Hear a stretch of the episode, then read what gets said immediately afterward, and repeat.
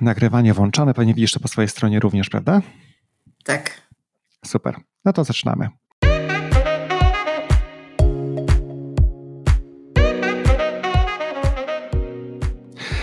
Dzień dobry, witam Was bardzo serdecznie w najnowszym podcaście Nowoczesny Lider. Dzisiaj moim gościem jest Natasza. Cześć Nataszo. Cześć, witam Cię serdecznie. Nataszo, jesteś dzisiaj w Trójmieście, dobrze pamiętam? W bardzo takiej smutnej Gdyni, na ten moment smutnej Gdyni, ponieważ deszcz pada okropnie. u Ciebie? Wiesz, Kraków na razie jest w porządku, jest chłodniej niż było wcześniej, e, ale jest słońce. To może czas jest w porządku. Pewnie dojdzie, dokładnie. dokładnie. Natasza, gdybyś mogła powiedzieć naszym słuchaczom kilka słów o sobie. Czym się zajmujesz? Mam takie, mm, mam te trzy nogi, mogę powiedzieć, takie zawodowe, e, które podtrzymują mnie bardzo silnie w takim stanie, można powiedzieć, ciągłego zadowolenia i radości i pasji, a nawet przez niektórych nazywane pracoholizmem stanie.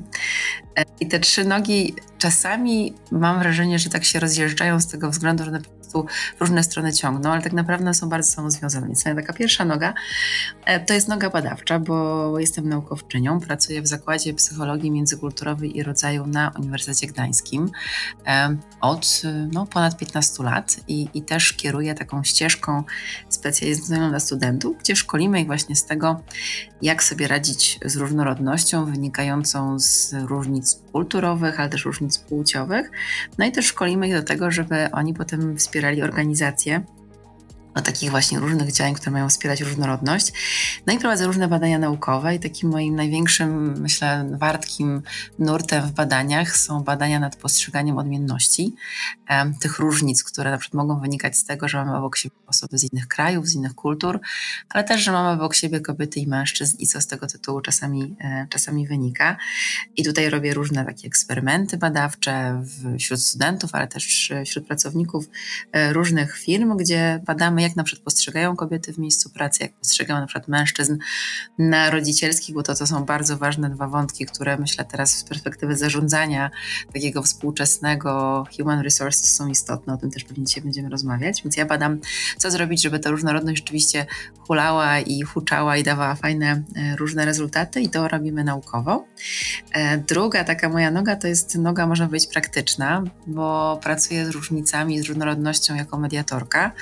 E, wspieram zespoły, myślę tak też od 13 lat mniej więcej, w takich różnych trudnych momentach, kiedy to um, te różnice tak bardzo są silne, że sobie już nich samych nie radzimy, to wtedy taka osoba jak mediator czy mediatorka wkraczają, pomagają ludziom się dogadać w tych obliczu tych różnych e, różnic, ale też jestem trenerką różnorodności e, i trenerką mm, takich działań antydyskryminacyjnych w różnych organizacjach. I to jest taka moja noga, można powiedzieć, e, praktyczna, a taka trzecia noga to jest taka noga, można powiedzieć, no, społeczna, noga też edukacyjna, ponieważ uczestniczę w różnych projektach społecznych, które służą temu, żeby systemowo budować takie społeczeństwa, grupy, zespoły, organizacje, które mogą być otwarte na różnorodność i to między innymi się działo, kiedy tworzyliśmy model integracji migrantów i migrantek e, w Gdańsku.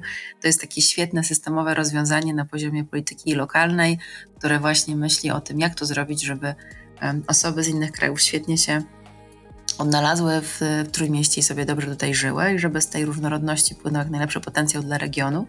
I też Gdańsk jest taki o tyle, myślę, cudownym miejscem na takie działania, bo oprócz tego, że jest model integracji migrantów, migrantek, to też jest model równego traktowania, to jest taka polityka miejska, która ma wspierać e, lokalne, e, różne miejsca, organizacje, przedsiębiorców i przedsiębiorczynie w tym, żeby ta różnorodność y, wynikająca na przykład z różnic wieku, e, płci, religii również była e, dobrze zarządzana i dawała jak najlepsze rezultaty, że po prostu ludzie o różnych e, korzeniach, różnych typach czuli się tutaj po prostu bezpiecznie i dobrze. I to jest taka trzecia moja noga, czyli wspieranie takich działań społecznych, które temu służą. Więc nauka, szkolenia, działania i właśnie takie projekty społeczne na tą rzecz. Więc tak krótko o sobie, ale też jestem mamą dwóch synów, pięcioletniego e, Mikołaja i jedenastoletniego Franka, którzy też są takimi, można powiedzieć, orędownikami różnorodności. Nawet często się śmieję, że są lepsi ode mnie.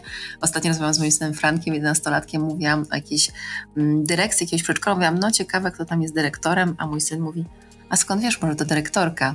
Więc takie, e, myślę sobie, działania, które robię na zewnątrz, no niestety albo stety, ku mojej radości przenikają do tego świata rodzinnego.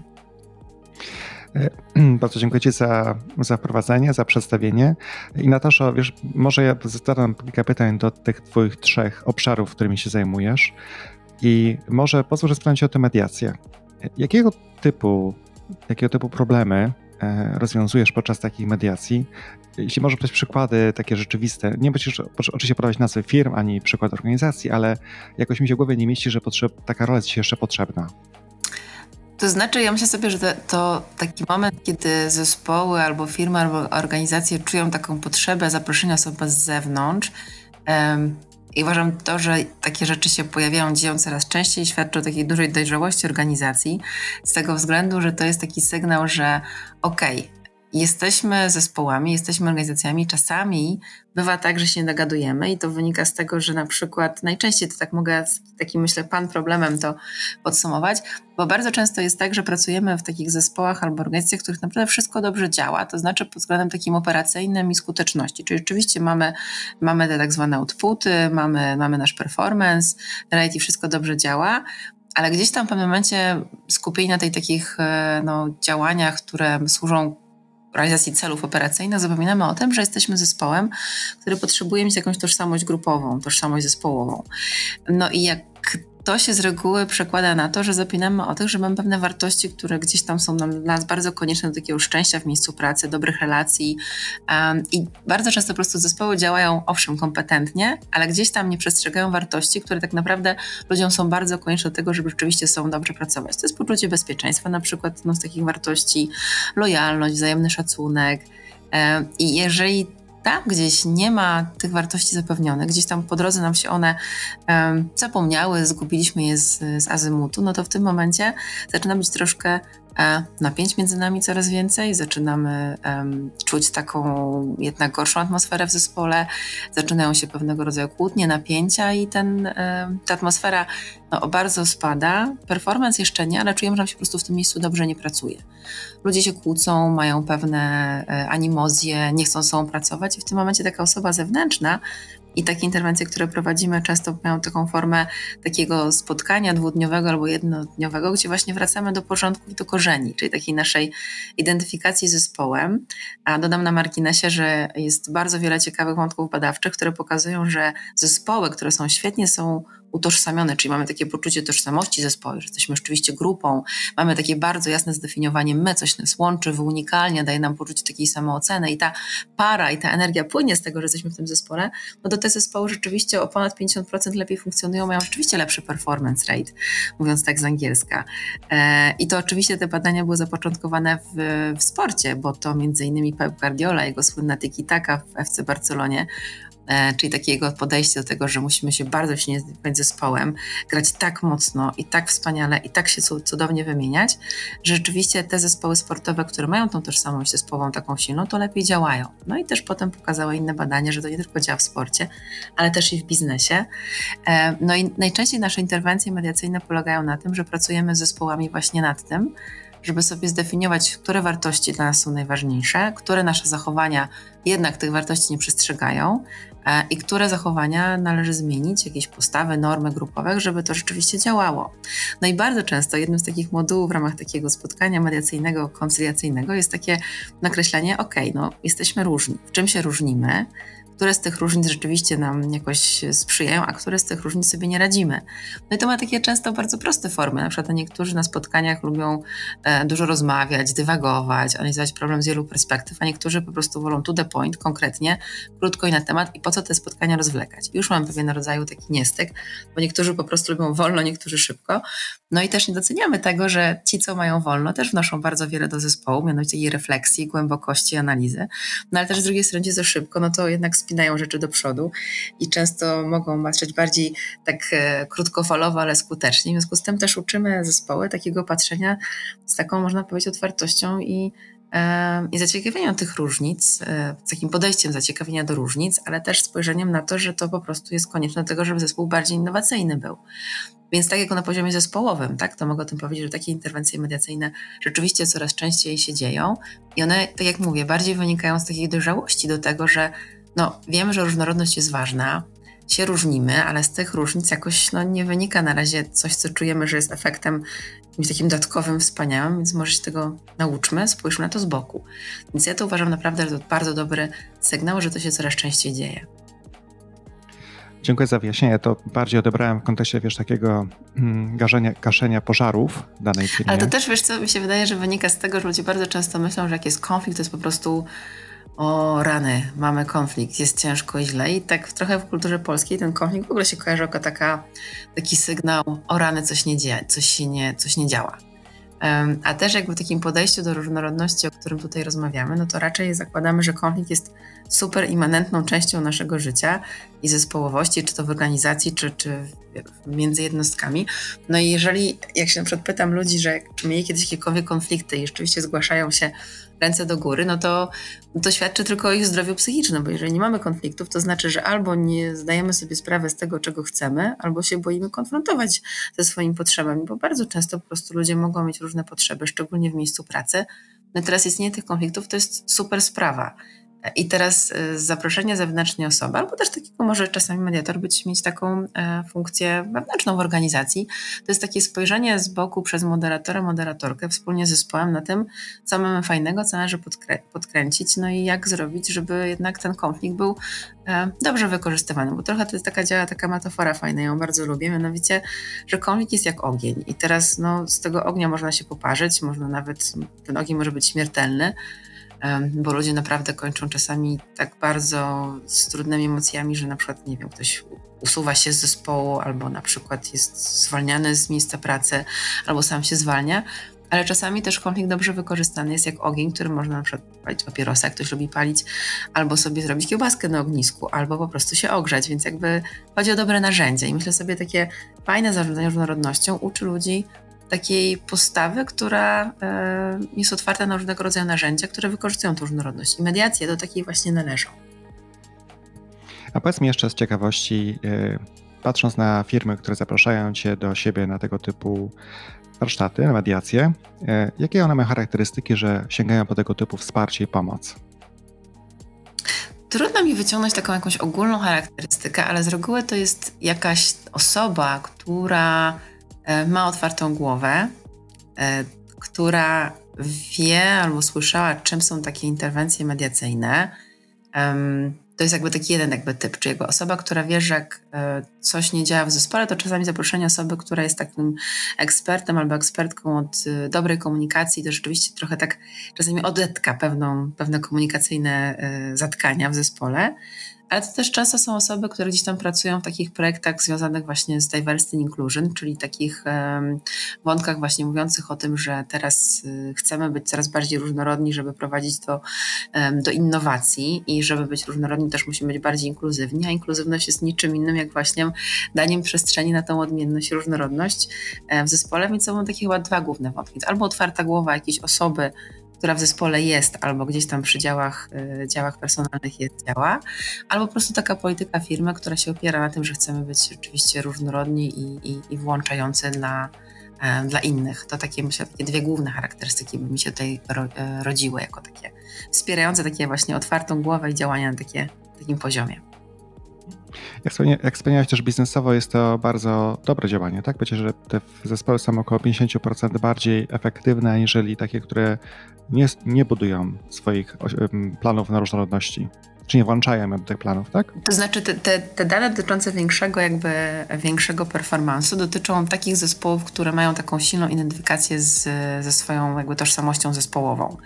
E, a ogólnie też e, a propos danych dotyczących, e, czy jakby te badania, o których mówiłam, dotyczyły właśnie takich zespołów, które mają taką silną tożsamość grupową, nad którą też pracujemy w takich właśnie spotkaniach na temat różnorodności i warsztatów w różnych organizacjach.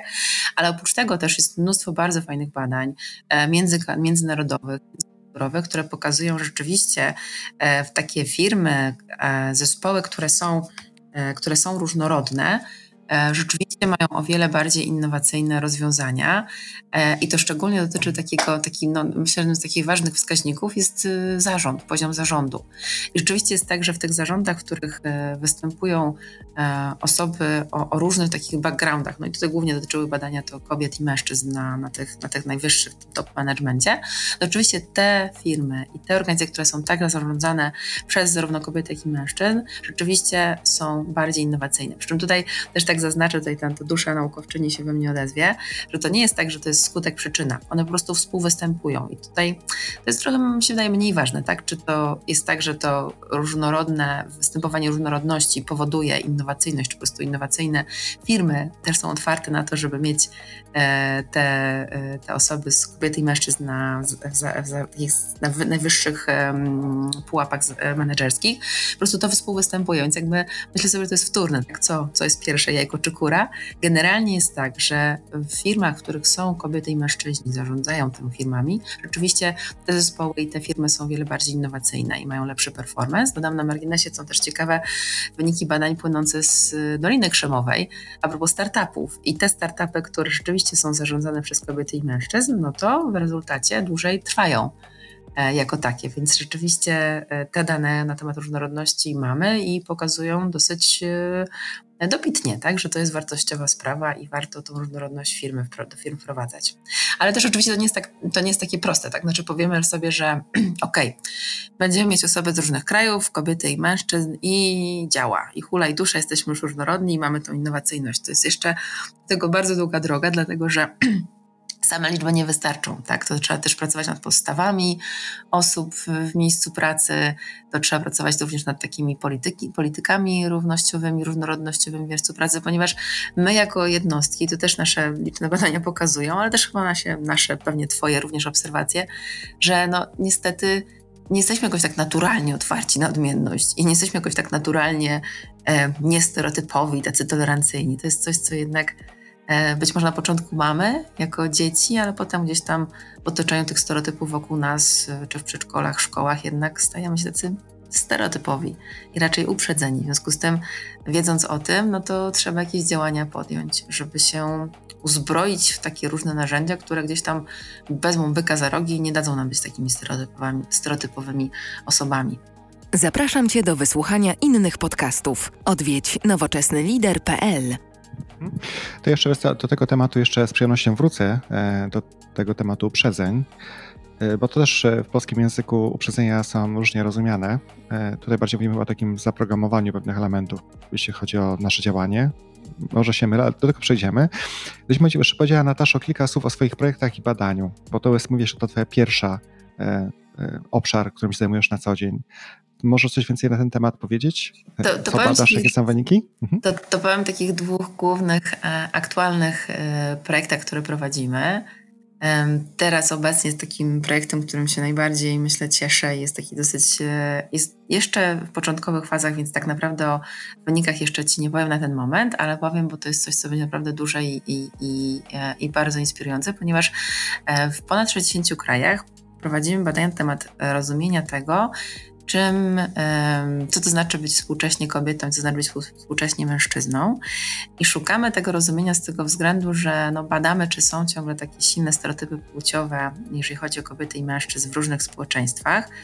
E, I mamy taką no, dosyć dużą próbę, bo badania będziemy prowadzić, już prowadzimy w Emiratach Arabskich, czy w Iranie, w Katarze, takie bardziej egzotyczne dla nas kultury, ale też i w Niemczech, w Norwegii, w Kanadzie, w Indiach, na Kostaryce, w Chile. Tak naprawdę mamy naprawdę piękne, e, piękną taką mapę świata sobie tworzymy teraz i te badania już w wielu krajach się już e, właśnie dzieją.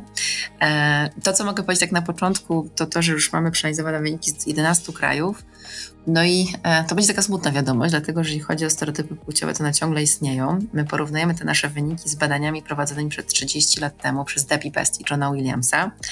No i muszę Ci powiedzieć, że e, no, czy trochę się zmienia, jeżeli chodzi o to rzeczywiście, e, mamy takie dwa główne, można powiedzieć, wymiary postrzegania społecznego. Czyli ludzie, kiedy patrzymy na innych, patrzymy na nich przez pryzmat dwóch takich cech wspólnotowości. To są takie rzeczy jak na przykład dbanie o relacje, taka emocjonalność, czułość, dbanie, e, troska o innych i pewnie się domyślasz, że to są te cechy, które są częściej kojarzone z kobietami. A druga to, e, to jest tak zwana sprawczość, czyli taka zaradność, przywództwo, osiąganie, ambicje, skuteczność, kompetencje i te są najczęściej e, kojarzone z mężczyznami. I teraz niewiele się zmienia, jeżeli chodzi o takie skojarzenia z jedną czy z drugą płcią, bo rzeczywiście, czy to e, mamy teraz wyniki z Gany, czy to wyniki z Polski, czy ze Stanów, czy z Kanady, no to częściej jednak patrzymy na mężczyzn jako tych, co a, no to są ci, co jednak powinni być sprawczy, czyli tacy właśnie kompetentni, a rzadziej te cechy kojarzymy jednak z kobietami. E, trochę rzadziej. A z drugiej strony, jak patrzymy na kobiety, to raczej patrzymy na nie przez pryzmat tego, że powinny być takie właśnie czułe, delikatne, dbające relacje z innymi.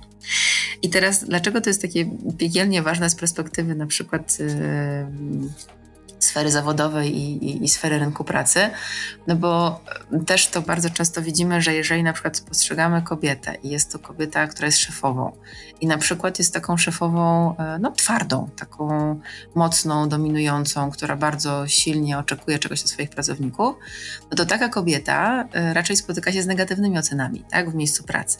Jeżeli w to samo miejsce, na te same zachowania, dokładnie tak samo się będzie zachował mężczyzna, to jednak takiego efektu negatywnego spojrzenia nie mamy. I trochę jest tak, że w miejscu pracy pokazujemy, że jeżeli na przykład kobiety są zbyt dominujące, to nie są lubiane, a to jednak, że nie są lubiane, przekłada się niestety na ich, na ich na przykład podwyżki, bo jest coś takiego, że jeżeli mamy taki proces oceniania i e, decydujemy o to na temat tego, kto ma dostać jaką podwyżkę, to jest jednak bardzo taki silny not badania, który pokazuje, że kobiety często dostają pewne awanse albo albo takie różnego rodzaju podwyżki związane właśnie z tym, że są lubiane. Dla mężczyzn czynnik bycia lubianym nie jest tak praktyczny, no w ogóle praktycznie nie jest istotny, nie ma wpływu na to, czy będzie awansowane, czy nie. Więc to jest jakby taki bardzo ważny wynik i badamy, czy to się zmienia. No więc to się niestety nie zmienia, ale co się ciekawe zmienia, to to, że e, kobiety coraz częściej w porównaniu z mężczyznami również są wobec nich stawiane co do kompetencji. Czyli trochę jest tak, że jakby mamy różnice między kobietami i mężczyznami w postrzeganiu ich, trochę się zmieniają w takim sensie, że e, kobiety i mężczyźni mogą być równie kompetentni, sprawczy i tak dalej. To jest dobra wiadomość. Czy to jeszcze nie, nie zrównało się zupełnie, ale to się jakby zmienia. Ale jest taka jedna zła wiadomość i trochę tam będziemy jeszcze w tych wynikach dużo jeszcze badali i, i, i, sprawdzali, ale tak na pierwszy rzut oka widać trochę tak, że jednak te, i to nie tylko nasze badania pokazują w tym projekcie międzynarodowym, ale też w innych badaniach również amerykańskich, że na przykład mężczyźni nie stają się bardziej tacy wspólnotowi. To znaczy, że to oczekiwanie wobec mężczyzn a propos tego, żeby dbali o relacje, byli czuli, delikatni, tacy jednak y, bardziej interpersonalnie gdzieś tam, nie wiem, sprawni, to oczekiwanie nie jest aż takie duże. Tak więc jakby ono się tak bardzo nie zmienia. I to się wiąże z kolei z innym takim wątkiem, który też um, badamy, analizujemy, jesteśmy na tym punkcie bardzo czujni, mianowicie um, w miejscu pracy jakby te badania, które prowadzimy, one mają doprowadzić do takich dwóch jakby rzeczy. Zestawu takiej wiedzy na temat tego, co sprawia, że, że kobiety są bardziej akceptowane na tych stanowiskach menedżerskich, takich wysoko postawionych, ale też co sprawia, to jest ten drugi wątek badawczy, który badamy w tym projekcie, co sprawia, że mężczyźni, którzy na przykład iść na rodzicielski, e, chcą na przykład być takimi tatami zdal, zdalnie pracującymi z domu, co zrobi, że też to postrzeganie zmieni, bo co się dzieje? Tutaj powiem Ci o takim naszym drugim projekcie, który robiliśmy, on się już zakończył, to były badania polsko-norweskie, gdzie badaliśmy e, mężczyzn i kobiety, którzy nasi, naszych polskich migrantów, którzy wyjechali do, do Norwegii no i jak domyślasz się, porównanie Polski i Norwegii, jeżeli chodzi o równość płci, wypada tak, że Norwegia jest y, bardziej równościowa, tam jest oczywiście mniejszy ta różnica przed zarobkach między kobietami i mężczyznami. Więcej kobiet jest na stanowiskach menedżerskich niż w Polsce. No i porównywaliśmy, czy na przykład nasze polskie, y, polscy migranci, czy się po prostu zmieniają pod tym kątem, czy są się bardziej równościowi. No i taki nasz jeden wynik wskazuje, który mamy, że rzeczywiście mężczyźni, którzy emigrują do Norwegii, częściej mają taką chęć zbrania tych rodzicielskich, zostają w domu z dziećmi, dziećmi, a też to jest bardzo ważny mechanizm, bo zobacz, jeżeli mówimy na przykład o e, takim związku partnerskim, tak, że oboje partnerzy pracują zawodowo, no to siłą rzeczy, jak się mówi o tym, że jeżeli chcemy, żeby coraz częściej kobiety były widoczne na rynku pracy, no to siłą rzeczy ktoś musi zostać dziećmi. Jak się mówi o tym, że za każdym mężczyzną sukcesu stoi często jego partnerka, która zajmuje się dziećmi, no tak samo jeżeli mówimy o kobietach sukcesu, które mają dzieci, no to w tym momencie ktoś za tymi dziećmi, za nią też musi stać i to pewnie będą mężczyźni. No i teraz i tu się pojawia taki mały ząg, mianowicie bardzo często jest tak, że postrzeganie mężczyzn, którzy biorą takie chcą korzystać z rozwiązań typu workflex, tak, czyli będą pracowali z domu, biorą dzień wolny na dziecko, jednak wskazuje na to, że te osoby, tacy mężczyźni nie są tak dobrze postrzegani jak kobiety. I mamy takie ciekawe wyniki sprzed kilku lat z, z, z Pomorza, z naszych trójmiejskich firm, gdzie e, pytaliśmy się, i to będzie taka zagadka dla Ciebie i też dla osób, które nas będą słuchały, e, pytaliśmy się taką bardzo prostą rzecz, mianowicie albo kobieta, albo mężczyzna podchodzili do swojego przełożonego, przełożonej, dodam już na marginesie, że niezależnie od tego, czy to była kobieta, czy mężczyzna, wynik był podobny i pytali taką rzecz, czy mogę wyjść wcześniej z pracy? No i były cztery powody. E, znaczy były dwa powody, ale cztery warunki, bo to kobieta i mężczyzna prosili. Więc albo prosili o to, czy mogę wyjść wcześniej z pracy, bo wiesz, muszę z samochodem do, do mechanika, albo muszę wyjść wcześniej z pracy, bo z dzieckiem do lekarza. Czyli albo prosiła mężczyzna, prosił mężczyzna o to, albo prosiła kobieta. Więc jak sądzisz, kto najczęściej dostawał zgodę od przełożonego albo przełożonej na wyjście z pracy wcześniej? Myślę, że myślę, że kobieta. Na dziecko czy na, na samochód? Myślę, że na, na dziecko. Tak, dokładnie. Potem? W kolejności, jak myślisz? E, później myślę, że był mężczyzna po samochód. Dokładnie tak. A potem? E, potem pewnie był. Teraz już musiał bardzo strzelać, ale mi się wydaje, że później Strzelaj. był mężczyzna po dziecko. Nie, mężczyzna po dziecko był na końcu. Dostawał najrzadziej dobrze, dobrze. z pracy. Wcześniej była kobieta na samochód. I to też jest taki, wiesz, ciekawy wynik, no on pokazuje to, że jednak taka akceptacja mężczyzn, którzy jednak idą na rodzicielskie, zostają dziećmi z domu i w ogóle szukają tej równowagi praca-dom, jednak jest mniejsza. A ciekawe jest to, że zobacz, takie najnowsze raporty e, pokazują, że e, i to między innymi Deloitte takich, takich danych, takie dane podaje, że w 2020 którymś roku gro naszego jednak, gro naszych pracowników to będzie pokolenie tak zwanych Y-ów. A pokolenie Y nie jest in, żadnym innym właśnie takim pokoleniem, które właśnie bardzo potrzebuje równowagi praca-dom. Mówią o tym jako wartości. I też między innymi coraz częściej mężczyźni deklarują, że chcieliby mieć takie miejsce pracy, w którym rzeczywiście jest taka możliwość łączenia życia rodzinnego z zawodowym. I też dodam na marginesie, mamy takie badania, które pokazują, że rzeczywiście coraz częściej mężczyźni również deklarują, że odczuwają konflikt ról, że jest im ciężko godzić role rodzinne z zawodowymi. Więc tego będą potrzebowali pracownicy, już potrzebują, tak, ale też coraz więcej takich pracowników będzie. No i teraz zobacz taką, taką jedną rzecz, czyli że jestem osobą, mężczyzną, który będzie szukał takich rozwiązań, takich miejsc pracy, które będą dawały mi taką możliwość, albo tego po prostu szukam, no to spotkam się z taką, takim oczekiwaniem, albo takim raczej e, brakiem akceptacji społecznej, E, na to, że mężczyźni rzeczywiście mogą zostawać w domu z dzieckiem. Ciekawe jest też to, że jak się pyta na przykład osób badanych, jakby kto najczęściej bierze, kto powinien brać urlop, kto powinien na przykład wziąć dni wolne na dziecko, no to najczęściej mówią, że to kobiety i nawet same kobiety mówią, że to one powinny brać ten, ten urlop na dziecko. A dodam na marginesie, że nie ma wcale wyników badań pokazujących, że jeżeli chodzi o zajmowanie się dziećmi w chorobie, że kobiety są lepsze niż mężczyźni. Tak więc jakby to jest taki trochę stereotyp, o którym, o którym mówimy. No i e, też wrócę do tych badań polsko-norweskich, no bo nam tam wyszło, że w tej Norwegii rzeczywiście mężczyźni częściej te urlopy rodzicielskie biorą. No i teraz myśmy dosyć mieli ciekawe. Mm, e, no, bardzo wiele mediów się interesowało tymi wynikami badań polsko-norweskimi, też o nich dużo mówiliśmy szeroko na różnych, na łamach różnych e, takich też gazet online. I e, taki ciekawy teraz cytat, cytat przytoczę, ponieważ właśnie mieliśmy takie, taki wywiad z, ze mną i z Magdą Rzadkowską, którą razem ten projekt prowadzimy.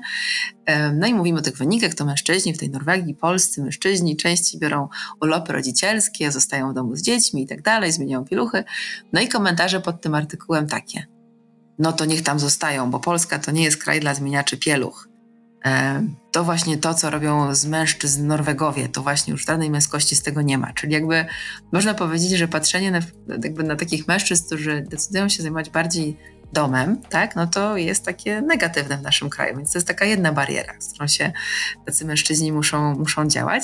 No i w tych naszych badaniach międzynarodowych, które robimy, ale też w projekcie polsko-norweskim szukamy takich czynników, które sprzyjają temu, żeby no, na takich mężczyzn jednak patrzeć większą aprobatą, tak, i bardziej, bardziej pozytywnie. I tutaj muszę też Ci powiedzieć, że to, e, jeżeli chodzi o te, taki lęk przed tym, że jak będę robił kobiece rzeczy, to jest taki trudny lęk dla mężczyzn, ale nie dla wszystkich i też mamy bardzo ciekawe badania dotyczące na przykład takiego poczucia zagrożenia męskości. I że między innymi e, specyficzni, jakby specyficzny typ mężczyzn będzie odczuwał, że branie urlopów rodzicielskich i zostawanie w domu dziećmi jest dla nich zagrażające. A mówię o tym wszystkim dlatego, że z perspektywy rynku pracy tak, to stworzenie takich miejsc pracy, które rzeczywiście dają możliwość takiego rozwoju zawodowego kobietom i mężczyznom na równi, to między innymi będą takie miejsca pracy, które doprowadzą do tego, że rzeczywiście i mężczyźni i kobiety będą mogli z pewnych e, rozwiązań takich też państwowych korzystać. Tutaj pewnie nie wiem, czy wiesz, ale w 2000 którymś też roku Unia Europejska e, taką legislację już, to już jest oczywiście zarekomendowane, ale nie pamiętam teraz dokładnie, kiedy to ma wejść w życie, ale jest takie zalecenie, tak, do wszystkich krajów Unii Europejskiej, że z tego urlopu rodzicielskiego e, 4 miesiące mają iść na mężczyznę. Tak, czy z tego rocznego urlopu 4, 4 miesiące są dedykowane mężczyznom. Jeżeli ich nie wezmą, no to w tym momencie ten, ten czas przepada. I teraz to jest taki wątek, który często na przykład ja omawiam z moimi studentami, studentkami na studiach MBA, E, gdzie prowadzę zajęcia z różnorodnością i to jest na przykład bardzo duży opór wobec tego. No bo to jest takie, jak się domyślasz, taka narracja. No ale, no to jak? No to kradniemy kobietom ich urlop rodzicielski. Rodzicielski jest dla obojga rodziców. Tak więc jakby to jest, zobacz, taka duża praca na postawach, na świadomości i korzystania z wiedzy, które pokazują bardzo dobitnie, że jeżeli mówimy o różnorodności w miejscu pracy i chcemy stworzyć równe szanse na karierę zawodową kobiet i mężczyzn, no to musimy stworzyć warunki, żeby mężczyźni mogli na przykład e, brać urlopy rodzicielskie i mieć równowagę praca-dom. Bo bez tego tak, nie wyrównamy e, luki płacowej między kobietami i mężczyznami. Nie sprawimy, że kobiety częściej będą widoczne na tych najwyższych, e, na najwyższych e, stopniach zarządzania. Dodam tutaj, że na przykład taka średnia na przykład na Pomorskim i podobnie jest w Warszawie, podobnie w Krakowie, może nawet troszkę niżej, to jest to, że 3, 13% e, stanowisk na najwyższym szczeblu zarządzania należy do kobiet. 13%. Więc tutaj nie możemy mówić o równości, dopóki jakby te, te dane nie zostaną jednak ogarnięte pewną uwagą i, i, i wiedzą. Podcastu możesz słuchać na platformach Google, iTunes czy też Spotify. To prawda. E, wiesz co, myślę, że przy okazji jeszcze to, to co wspomniałeś o studiach MBA i komentarzach studentów, e, to też jest jakaś kwestia zarządzania zmianą w Polsce, zmianą postaw i właśnie sposobu, sposobu myślenia, bo jak wiesz, e, zmiana czegoś dużo prostszego jest bardzo trudne do prowadzenia. Dla ludzi wiąże się często z poczuciem straty, zagrożeniem, a tu mówimy o takich bardzo rzeczach, bardzo jednak o, o, duż, o dużej wadze, takiej, nie wiem, merytorycznej, emocjonalnej, związanej z tym, kto wychowuje dziecko. I ten pomysł, żeby jakby ten, ten urlop był podzielony, jest bardzo chyba fajnym pomysłem. Też powoduje, że panie są w stanie szybciej wrócić na rynek pracy, prawda? Dzięki temu, że mają e, jednak krótszy okres, który spędzają w domu. Pamiętam taką jedną bardzo fajną parę z naszych, bo też w tym projekcie polsko-norweskim robiliśmy takie wywiady z e, parami, które, polskimi parami, które mieszkają w Norwegii. E, I pamiętam takim jednym rozwiązaniem, które jakby jest takim myślę, symbolem tego, o czym, o czym mówisz. Bo to była para, którym urodziło się dziecko w Norwegii i oni ten urlop rodzicielski, dodam, że też w Polsce jest taka sama możliwość do zorganizowania zgodnie z naszą legislacją. E, mianowicie, że tak, podzieli się, że najpierw dwa miesiące była mama, potem był dwa miesiące tata, potem znowu dwa miesiące mama. Tak się wymieniali co dwa miesiące. I to było tyle fajne rozwiązanie dla pracodawcy, no bo przynajmniej nie było tak, że nie mają pracownika, nie jest wyautowany przez dłuższy okres niż dwa miesiące, więc spokojnie jakby nie ma go, a potem wraca, więc jakby nie muszę szukać tak naprawdę na stałe jakiegoś zastępstwa i mogę tak zorganizować pracę w tym okresie, żeby rzeczywiście to wszystko działało i, i było sprawnie zorganizowane, a jednocześnie też jakby oboje rodzice tak, mają możliwość bycia z dzieckiem w tym trudnym takim no, okresie bardzo też ważnym, tak, budowania więzi. I też jest to takie bardzo ważne, ja to jest, y, lubię te badania przytaczać, pokazujące, że ogólnie jak, jak mężczyźni, jak oboje, oboje rodzice są zaangażowani w wychowanie dzieci na takim podobnym poziomie, również w tym pierwszym roku życia, to to potem przekłada się na takie naprawdę rozwój inteligencji tego dziecka, ich zdolności, osiągnięć, więc jakby to jest bardzo bardzo ważne też po prostu dla dzieci, tak, żeby taką, taką szansę dać E, kontaktu na równi z obojgiem rodziców. I jakby to jest rzeczywiście bardzo dobre takie rozwiązanie, ponieważ no, no rzeczywiście daje to poczucie wsparcia, że jesteśmy tak naprawdę partnerscy i w pracy, i w domu. Nataszo, super. A teraz wspomniałeś o tym, że te uprzedzenia są, istnieją i staramy się z nimi e, walczyć, edukować społeczeństwo. A teraz jak sobie z tym radzić na co dzień? Firma? Myślę, że taka najważniejsza rzecz to jest po prostu e, takie myślę dwie rzeczy. Po pierwsze to jest taka świadomość tego, że jesteśmy uprzedzeni e, i ja naprawdę lubię robić to w ten sposób, na przykład na zajęciach chyba na warsztatach, gdzie się pytam oczywiście ludzi o ich poziom tolerancji, no i żeby określili na takiej skali, im wyżej rękę mają, tym są bardziej tolerancyjni, a potem pokazuje takie różne przykłady, które no jednak są dowodem na to, że nie jesteśmy tacy super tolerancyjni. I taki najbardziej już klasyczny, już myślę sztandarowy przykład, to jest ten przykład z lat 80., kiedy to pewnie też wiesz, że um, jak się przeanalizowało liczbę kobiet, na przykład grających w różnych orkiestrach symfonicznych na świecie, no to wychodziło, że tam jest przewaga mężczyzn. No to z czego to wynika? I tak się pewnie domyślasz, to wynikało ze stereotypów, że jak są przesłuchania mm, do różnych orkiestr, no to jednak tak się wydaje, że jak mężczyzna to będzie lepiej grał i wprowadzono jedno bardzo prostą interwencję. I mówię o tym dlatego, że to pokazuje, że te działania, które mają przeciwdziałać uprzedzeniom, stereotypom i, i różnym tam bajasom, to naprawdę nie są jakieś bardzo trudne. I tam po prostu wprowadzono kotarę, tak, zasłonę. I teraz przesłuchania były, nie było wiadomo, czy to, czy to gra kobieta, czy, czy mężczyzna. No i co się okazało, jak się domyślasz? Jakoś magicznie liczba kobiet w tych orkiestrach się zwiększyła. E, I dlatego takim, no, wiedza na temat tego, że jesteśmy uprzedzeni, to będzie podstawowa. E, inny przykład, który też bardzo lubię przytaczać, to jest taka analiza, słuchaj, liderów E, raczej takich, wiesz, CEO różnych firm, firm takich największych 500, naj, najbogatszych firm w Stanach i okazało się, że ich CEO mają średnio 1,82 m. I to jest tak zwany 1,82 cm. Mhm. To jest bardzo ciekawe, dlatego że e, nie wiem, czy wiesz, jaki procent społeczeństwa amerykańskiego ma taki wzrost.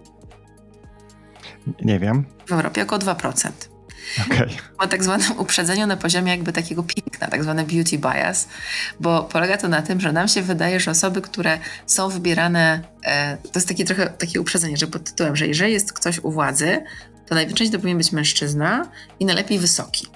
No jak się domyślasz, to to nie jest jakaś taka grupa, która jest bardzo reprezentatywna, ale mamy takie poczucie, że wiesz, to, to, to tak, tak, będzie działało. Jest taki też super przykład, który lubię robić na, na różnych takich warsztatach i szkoleniach. Mianowicie on, on się go super go się robi po angielsku. Mniej więcej polega na tym, że opowiadać taką sytuację e, w języku angielskim o jakimś tam business executive. No i ten business executive discovers that a long-time employee has been stealing from the company. So business executive discovered that a long-time employee has been stealing from the company. Taka to jest historia. Musi być w języku angielskim, za chwilę dowiesz się dlaczego. No i potem zadaję dwa pytania. So what should, znaczy jedno pytanie, proszę, żeby osoby odpowiedziały na kartce pisemnie dwoma zdaniami. No i zda, pytanie brzmi, what should business executive do first?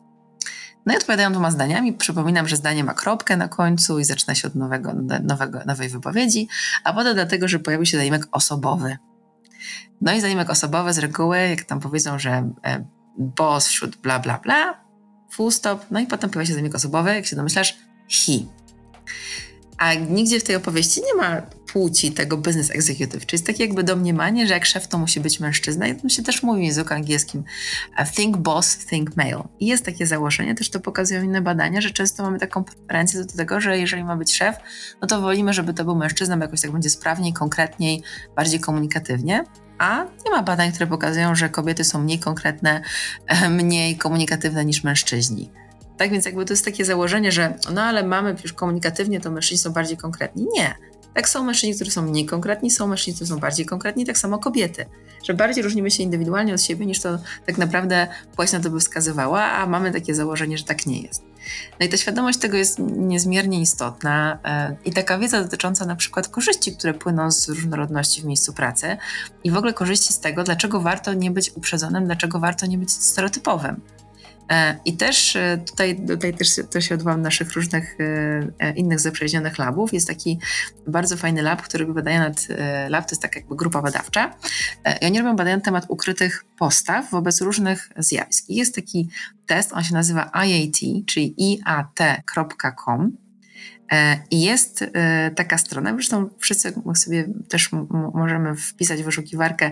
Czy podlinkujemy, wiesz, e, też na blogu później. Super, stronę. to puścimy. Mhm. To tam właśnie można sobie wejść na, na tą stronę i na przykład zmierzyć swój taki, swoje uprzedzenia takie jakby deklarowane i takie uprzedzenia niejawne. I teraz Często bywa tak, że na poziomie deklarowanych takich postaw jesteśmy otwarci wobec czarnoskórych, wobec muzułmanów, wobec kobiet i wobec niepełnosprawnych itd. Tak A potem możemy sobie zmierzyć nasz, nasz taki ukryty, ukryte uprzedzenia. One pokazują czasami zgoła coś zupełnie innego. Mamy taki naprawdę bardzo dosadny wynik pokazujący, no taki super tolerancyjny do ty człowieku nie jesteś. No i to jest taki, myślę, pierwszy bardzo ważny krok. Uświadomić sobie tego, jak naprawdę mamy bardzo często e, nasze myślenie, co też jest dobre, tak jakby wiesz, no to jest dosyć zdrowy objaw, myśleć skrótowo automatycznie, no bo inaczej to byśmy po prostu zginęli w dywagacjach refleksji nadmiernej.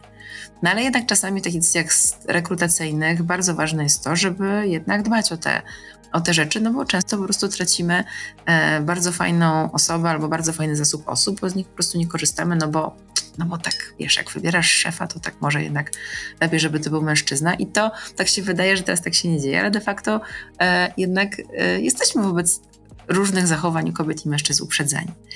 Więc oprócz takiej wiedzy, to też takie poczucie, że to, są, że to jest korzyść wielka. I w tym naszym badaniu międzynarodowym, że jest różnorodność oczywiście korzyść, i w tym naszym badaniu międzynarodowym my też badamy, e, czy takie międzynarodowe e, porównanie dokonamy, czy fakt, że przykład kobiety coraz bardziej są widoczne na rynku pracy, czy coraz bardziej są, yy, zarabiają tyle co mężczyźni, czy to jest jakby zagrażające, tak? Jak to ludzie postrzegają. No bo są takie, takie bardzo fajne koncepcje, czy fajne, bo są fajnie, że wymyślili, ale oczywiście mówią o tych trudnych rzeczach, mianowicie, że coraz większa obecność kobiet na rynku pracy i ich takie e, zyski w postaci jakby silniejszej pozycji w biznesie czy w polityce mogą niektórym po prostu być takim sygnałem, że coś się zmienia i to wcale nie jest dobrze, bo to jest taki trochę zamach na pewną, um, pewną władzę mężczyzn, która do tej pory jakby jest no, jednak no, dosyć widoczna na rynku pracy, czy też czy w polityce.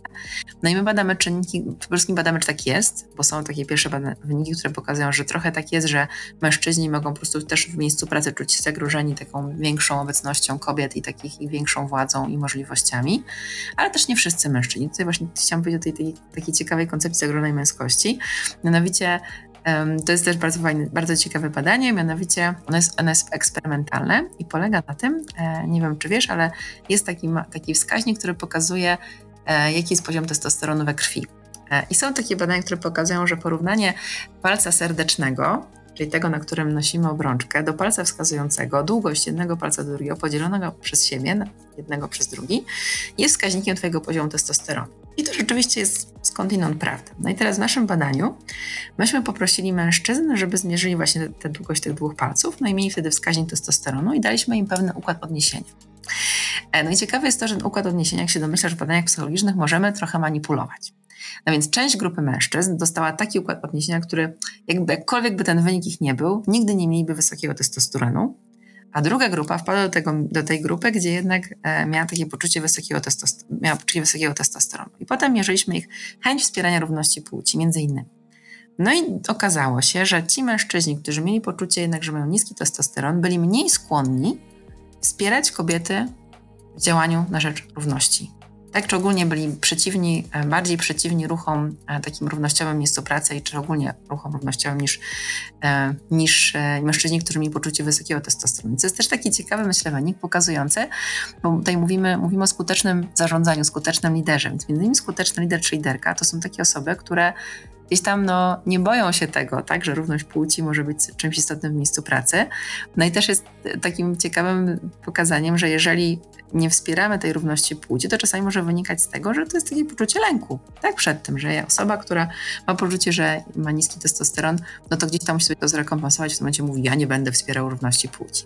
Oczywiście to jest eksperyment, potem odczarowujemy nasze osoby, że to wcale nie jest wskaźnik testosteronu, daliśmy e, taki układ odniesienia, więc to jest jakby bardzo też badanie prowadzone no, zgodnie z literą etyki e, badań psychologicznych, ale pokazujemy takie zjawisko, że jakby pewien, pewna grupa mężczyzn po prostu może nie wspierać tej równości płci w miejscu pracy, no bo mają poczucie zagrożenia.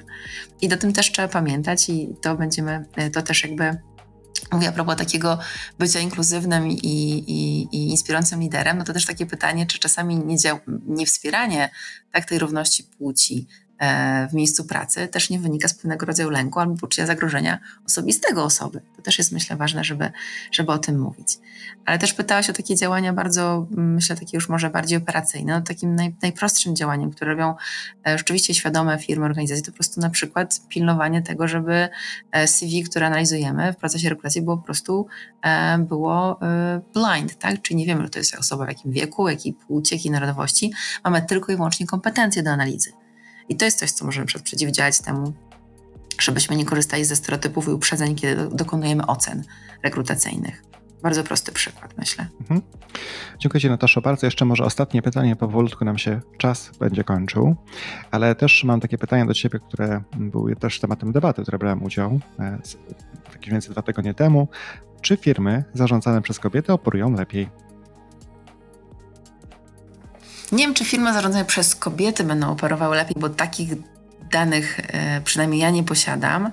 Ale tak jak też wspominałam wcześniej, o tym też rozmawialiśmy, e, zobaczcie, że firmy po prostu, które są zarządzane e, w taki różno, przez takie różnorodne zarządy, tak, których są i kobiety, i mężczyźni, rzeczywiście są zarządzane lepiej z tego względu, że mamy jakby e, różne źródła i takie różne, różne fajne optyki patrzenia. W ogóle skąd się w ogóle wzięło takie zjawisko różnorodności? To stąd, że po prostu chcieliśmy mieć różne perspektywy e, przyciągania klientów, tworzenia produktów, tworzenia rozwiązań, usług itd. Tak I teraz firmy, których rzeczywiście w zarządach są kobiety i mężczyźni, e, dają taką większą może gwarancję tego, że będziemy patrzyli z różnych perspektyw i będą różne style zarządzania prezentowane.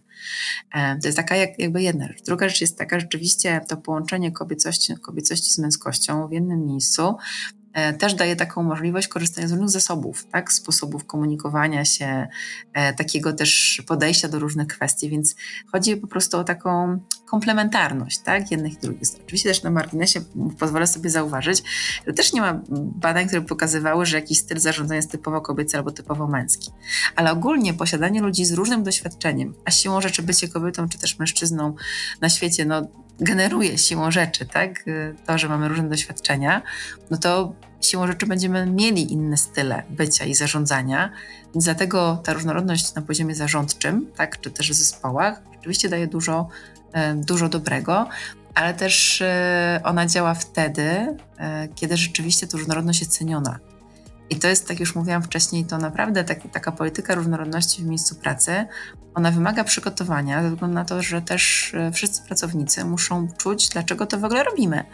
No bo często takim rekoszetem tego jest to, że jeżeli robimy to inaczej, najczęściej to może przejąć taki obrót spraw, że no wiemy, że teraz matka, czyli firma matka mówi, że musimy mieć więcej kobiet, tak? To jest taki może być przykład z branży trochę IT, tak? Firma matka mówi, musimy więcej kobiet mieć w branży e, technologii IT. No to chodźcie, będziemy zatrudniać więcej kobiet w branży IT. No to zróbmy sobie takie, takie, takie cel, że zatrudnimy o 20% więcej kobiet. Ok, no to zatrudniamy 20% więcej kobiet. No i teraz bez przygotowania odpowiedniej akcji, no to taka rzecz może być odebrana jako taki trochę no, wtórne i takie odwrócone trochę uprzedzenie. Dlaczego teraz wolicie zatrudniać kobiety niż mężczyzn? To mamy na stanowisko do wybrania kobiety i mężczyzny, no to wybieram kobiety, bo mi każą odgórnie, żeby jakaś procent osób się tam, żeby nam się procent kobiet zgadzał, no to wiadomo, tak, bez takich działań parytetowych często nie osiągniemy tej równowagi między kobietami i mężczyznami. I teraz parytety są rzeczywiście no, na ten moment y, taką jedną z technik, która będzie wspierała obecność kobiet i mężczyzn na równi na, w miejscu pracy, ale ona nie może być tylko wprowadzona po prostu, że tak chcemy liczbę osiągnąć. To musi być poprzedzone taką naprawdę bardzo ważną polityką i działaniami przemyślanymi, które e, będą edukowały naszych pracowników, po co nam ta różnorodność, jak ją rozumiemy, co nam to da, jakie są z tego blaski i cienie tytułu, no bo to jest też wprowadzanie różnorodności, wprowadza taki trochę nastrój świeżości, gdzie jednak no, przychodzą ludzie, którzy inaczej pracują niż my. No i teraz bardzo ważne jest to, że jeżeli mamy rzeczywiście różnorodność w miejscu pracy, to teraz, żeby nie było tak, że owszem, e, przychodzą e, nowe osoby w różnym wieku, w różnych, z różnych kręgów kulturowych kobiety i mężczyźni, ale de facto oczekiwanie jest jakie? No to, że teraz będziecie robić jak my i tak naprawdę nie pozwala się wprowadzać innowacji, no bo my tak to zawsze robiliśmy od wielu lat, no to co będziemy to się męczyć z tym. I to jest tak dosyć, myślę, tak dosyć e, prosto to opisuje, ale pokazuje ten bardzo silny mechanizm, który przeciwdziała różnorodności. Więc możemy mieć naprawdę kobiety i mężczyzn w miejscu pracy, a nie korzystamy z tych różnorodności, bo, bo rzeczywiście to tak nie działa, no bo nie pozwalamy im być sobą. Więc jakby takie dwa warunki różnorodności to jest to, że rzeczywiście osoby, które przychodzą, które do tej pory nie były w naszym miejscu pracy, są mniejszością, czuły, że ta mniejszość jest potrzebna, ale też, że mogą być sobą. Tutaj mam taki, myślę, bardzo taki typowy przykład ciekawy, który na przykład płynie też e, trochę z takiej dziedzin nauki. Mianowicie taki przykład, gdzie jest e, słynna, słynna biotechnolożka, występuje na konferencji matematycznej, e, a tam okazuje się, że przychodząc do tego stołu, ma zaraz występować z taką bardzo ważną postacią w świecie nauki. Ktoś do niej podchodzi i mówi: Proszę pani, skończyła się woda na stoliku, czy może pani donieść? Więc ona widząc to, następnego razu, kiedy już występowała, postarała się wyglądać jak najmniej kobieco, żeby nikt nie pomyślał o niej, że jest asystentką. I to jest taki ciekawy przykład, pokazuje, że często kiedy wchodzimy w pewien taki schemat firmy, no to zamiast kultywować naszą różnorodność, świeżą głowę, innowacyjność, no to gdzieś tam czujemy taką presję, żeby stać się jak inni. I to jest taki, myślę, bardzo ważny element, który też trzeba przeszkalać e, pod tym kątem, przeszkalać zespoły i organizacje, żeby jak już na tą różnorodność i tą kobiecość, męskość chcą być otwarci, no to w tym momencie nauczmy ludzi rzeczywiście z niej korzystać, a nie żeby stawiać takie oczekiwanie, że jak już tu jesteś, to bądź jak my. Natasza, bardzo Ci dziękuję za rozmowę.